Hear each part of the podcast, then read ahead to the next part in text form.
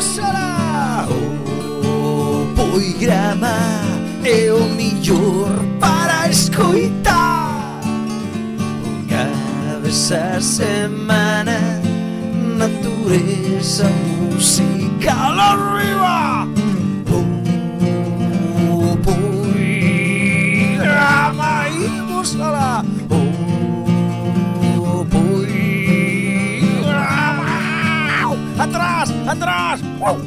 Pasa pastor. Poigrama Internacional.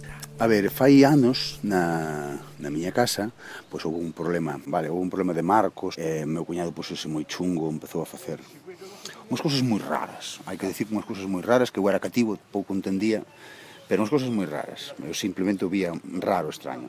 Bueno, pois veo un señor, veo ali un señor a nosa casa, eu acordamo que xuntou-nos a toda a familia, e empezou a decir, eh, empezou a mirarnos a todos e a escribir así el solo como dunha maneira compulsiva nun papel en blanco facendo un jarbatos e empezónos a decir pero vos tendes unha leira en tal sitio en tal sitio pero vos tendes isto isto e, e bueno eh, como iso tiría 10 anos pois como con 16, 17 anos teño un primo que, que estuvo en Noruega, estuvo embarcado, eh, veuse con un problema de enfermedad para aquí, eh, un, ten uns trastornos e, eh, e tal, e, dixo lá unha muller e tal, e dicía, jo, e logo ese home que veu a túa casa fai tanto tempo, e que sabe, porque eu quería saber que foi do meu fillo que deixei en Noruega fai anos, que foi da miña muller que deixei alá.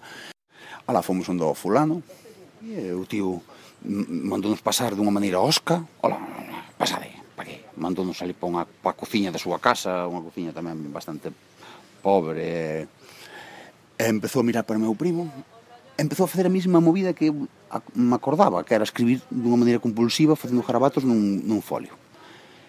E mirou no, e dixolle, e eh, ti traballas, ti traballas nun sitio... E empezou a facer cas mans, e co corpo, xiros sobre si sí mismo, como, se, como tocando algo ca man dereita, e flipei porque el non conocía meu primo, e meu primo estaba traballando nunha barra que era redonda, redonda e pequena. Que pasada, o sea, increíble, que xa xa, sin explicación, vamos. Eu non sei máis, o tipo fixo esa sí, movida. Sí, sí, sí. Queridos amigos e amigas do verdadeiramente auténtico, estamos ante un caso único. A ver, non me refiro ao programa de Marcos, eh, que se sai nos espesos, non. Refírome á escritura automática, o que acaba de escribir Xan que aquí podemos decir o nome, non sempre podemos dar o nome das nosas testemunhas para protexeras a elas e sobre todo as súas familias, que non se enteren que teñen alguén así na casa. en, neste caso, escríbenos como por un problema de Marcos chaman a este home que ten estabilidade por sentranse e empezar a escribir e dixe, mira, aquí tendes esta leira, aquí tendes outra, e así vislumbrar exactamente onde teñen que estar os marcos. Que dirás ti, podes ir ao catastro? Vas ao axuntamento? Pa que? Pa que? Si tes un vixiño que ten estas cualidades. E estas cualidades valéronlle para que anos despois un primo de Xan chegara de Noruega deixando muller e fillo e dixeron, oye, como podo saber deles? Dirás ti, chamando por teléfono, pa que? a ver, entonces vai a este home E tamén a través da escritura automática e de xestos, pois pudo ver que el traballaba nunha barra circular, bueno, algo sorprendente. Ben, todo isto é real, lóxicamente, simplemente eu sigo estando abrumado e aí a miña reacción. Sabedes que a min dame así como unha risa así, incluso cando vou ao dentista. Son estas cousas. Ben. Pero isto non é o caso. O caso é que imos a seguir sin falar no programa de escritura automática. Non, non imos a falar deste tema, non. Encantaríame. É unha desas cualidades que nunca seguiron aínda no poigrama. Sempre estamos así como pasándolle o sea, pasando rascando, pero nunca nunca chegamos a falar con ninguén que tivera esa cualidade, non? Que enerxías, chamémoñe así, atravesen teu corpo, deixando a man morta cun bolígrafo, bueno, pois escribas, dibuxes, todo o que che transmitan esas enerxías que poden ser entes, eh, seres de outras dimensións ou de outros planetas. Hai de todo. Pero este non é o tema. Non, o tema é a abdución. Zas en toda a boca, escoitaste perfectamente. Isto só é a punta do iceberg. Así empeza a nosa historia de abducidos. Porque non só foi unha persoa, non, foron a 4, a 4 persoas abducidas. Por favor, escoitar con moita atención como sigue esta historia que empezou cun problema de Marcos e rematou abducindos. Que os problemas abducenche. Empezou a facer cas mans e eh, co corpo xiros sobre si sí mismo como, se, como tocando algo ca man dereita e flipei porque el non conocía a meu primo E meu primo estaba traballando nunha barra que era redonda, redonda e pequena. Empezou a contarlle algo, non concretou moito e dixo que dixo ti estás apenao, estás a... que che pasa? Que che pasa? Entonces hai que decir que meu primo pues, quizás un pouco motivo para tambo que se empezou a contar el. Porque me pasou isto, isto, isto. A verdade é que non lle dou solución ninguna non lle dou solución ninguna, a máis dunha maneira, bueno, é que queres que faga eu? Eh, isto é así, eh, non, non tampouco che vamos a eh, vale, pois marchamos. De feito que polo camí hai que decir que a, a salida meu primo quitou cartos para darlle e el tamén dunha maneira, quito dei, quito dei, e marchou. E veu súa nai unha señoriña así, toda enclenque e quiso lle dar os cartos a meu primo a, a súa nai. Ai non meu filliño non che quer nada unha pasada non quer nada quita, quita, quita, quita dei, quita dei bueno vale, pois eh, nada acabou o seu conto. Eh, como? Que?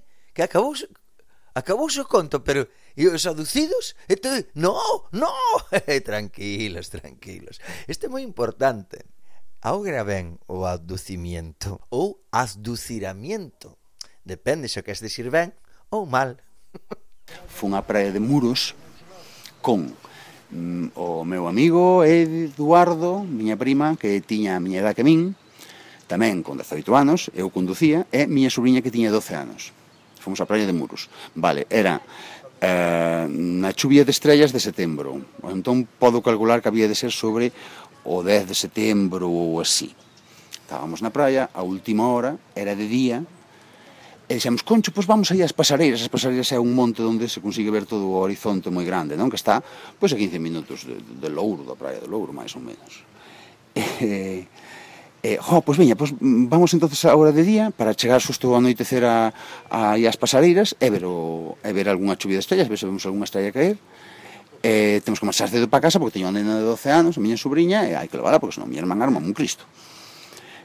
Vale, pois collemos o coche, saímos anoitecendo, pero ainda non era de noite porque vemos, íbamos de camiño hacia eh, as pasareiras, que como iso dicen, han de ser un cuarto de hora, 20 minutos, que me pode corregir que se de por ali, dende loura as pasareiras.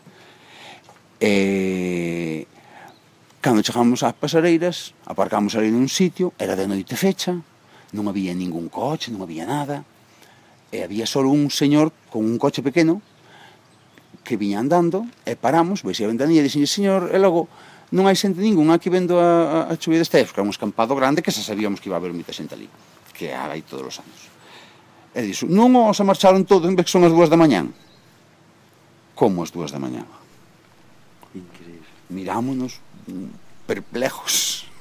Perplejos estamos todos. Saíron da praia de Monte Louro para ir ás Pasareiras, que é un trayecto que leva 15 minutos. Ponlle 20.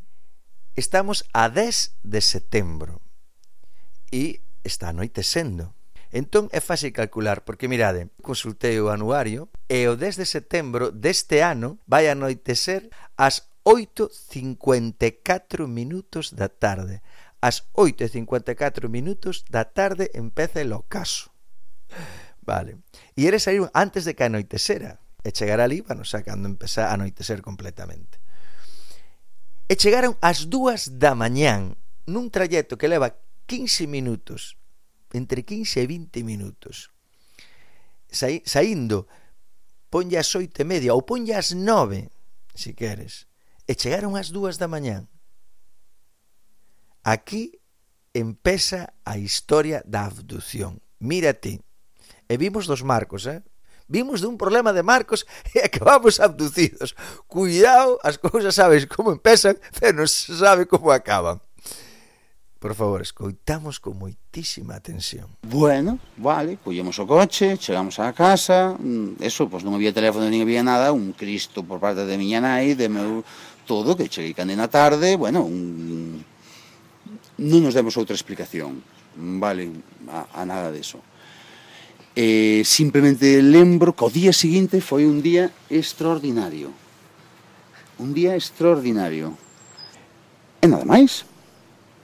Vale, pois eh, pasaron pois eh, como 20 anos casi do suceso, fai 4 anos, 5. Non, si, fai 5 anos. Eu máis miña prima, pois eh, que vivía en Barcelona, veu e eh, empezamos a, pois, a rirnos tomando unhas cervezas, jo, que, aquel día, lembraste daquel día, porque non falamos nunca máis dende aquela, de ese día. E, empezamos a, a falar deste señor que ten ese tipo de poderes e un pouco de broma, a verdad. Dixemos, jo, pois vamos onde ese señor e preguntamos o que nos pasou.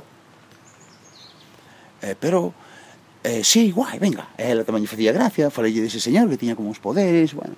Eh, ah, veña, pois vamos a preguntar que pasou. Un pouco casi de broma, en realidad. E chegamos ali, e el asubiando. Entrou asubiando. Hola. Oh, Así sentounos un enfrente do outro, e os dous ali, e di, bueno, que vos pasou? Que me queres contar? Entón, miña prima mira para min, e eu contolle esta historia de, de, de servida de muros e tal, tal, tal cual. Siguiente, a pregunta del foi, e que crees que che pasou? E eu dixenlle, esta vez o tipo non escribiu nin nada, eh? e Eu dixenlle, bueno, pois eu creo que foron que nos aduciron os extraterrestres. Entón o tío, mírame, dime, Vamos a ver, ti non ves esta mesa que está aquí non, entre, non sei, fai toc, toc, toc na mesa. A ver, esta é a madeira, non? A madeira estaba nas, na, nos paus, estaba nas pernas, na, na, nos árboles antes, non? Agora está aquí, está transformada. Digo eu que estudiaches o de a materia non se crea, non se, nin se destruye, que se transforma. Wow. E ademais, non falo máis contigo que és moi pouco espiritual. Sí. Dísome así palabras textuales mirando os ollos. Acto seguido saliu da mesa, brum, acercouse a miña prima, e díxolle, levántate, porque estábamos sentados. Levantouse, a miña prima, sin dicir nada, tocoulle a man no peito e díxolle, ti queres ter un fillo, verdad? Unha lágrima como un mundo caiu nos ollos de miña prima. Tras, tras, tras, tras, tras, tras. Miña prima levaba como seis meses E se fixera dúas inseminacións artificiales para quedarse embarazada. Tiña 41 anos, iba así acabando o tempo, non tiña mozo, e quería ter un fillo igual sendo, sendo nai solteira, e quería ter un fillo. E levaba dúas inseminacións artificiales xa levadas, postas, e non lle saliu ben. Ninguna delas. E dixo, pero tranquila, vai che costar, pero conseguiralo. Hai que decir que ahora cinco anos despois ten unha nena de dous anos. Wow. Que final tan bonito. Está claro que este home ten cualidades, pero non contou que pasou nesas cinco horas que para eles foron 15 minutos. Só lle dixo, mira, se foses espiritual, contábacho, pero como non es, só che digo que a materia non se crea nin se destrue, só se transforma, poñendo como exemplo a mesa que ven dunha árbore. A frase é a enerxía non se crea nin se destrue, só se transforma, pero materia e enerxía é o mesmo. Os nosos ollos non, pero é o mesmo. Así que a mí tamén me gustaría rematar o programa así, cun, con alegría, que temos a capacidade de transformarnos en seres maravillosos cada día. E miña boa isto resumía con unha frase genial, que é o de, mira, transfórmate na persoa que queiras ter ao lado sempre. Ata a semana que ven.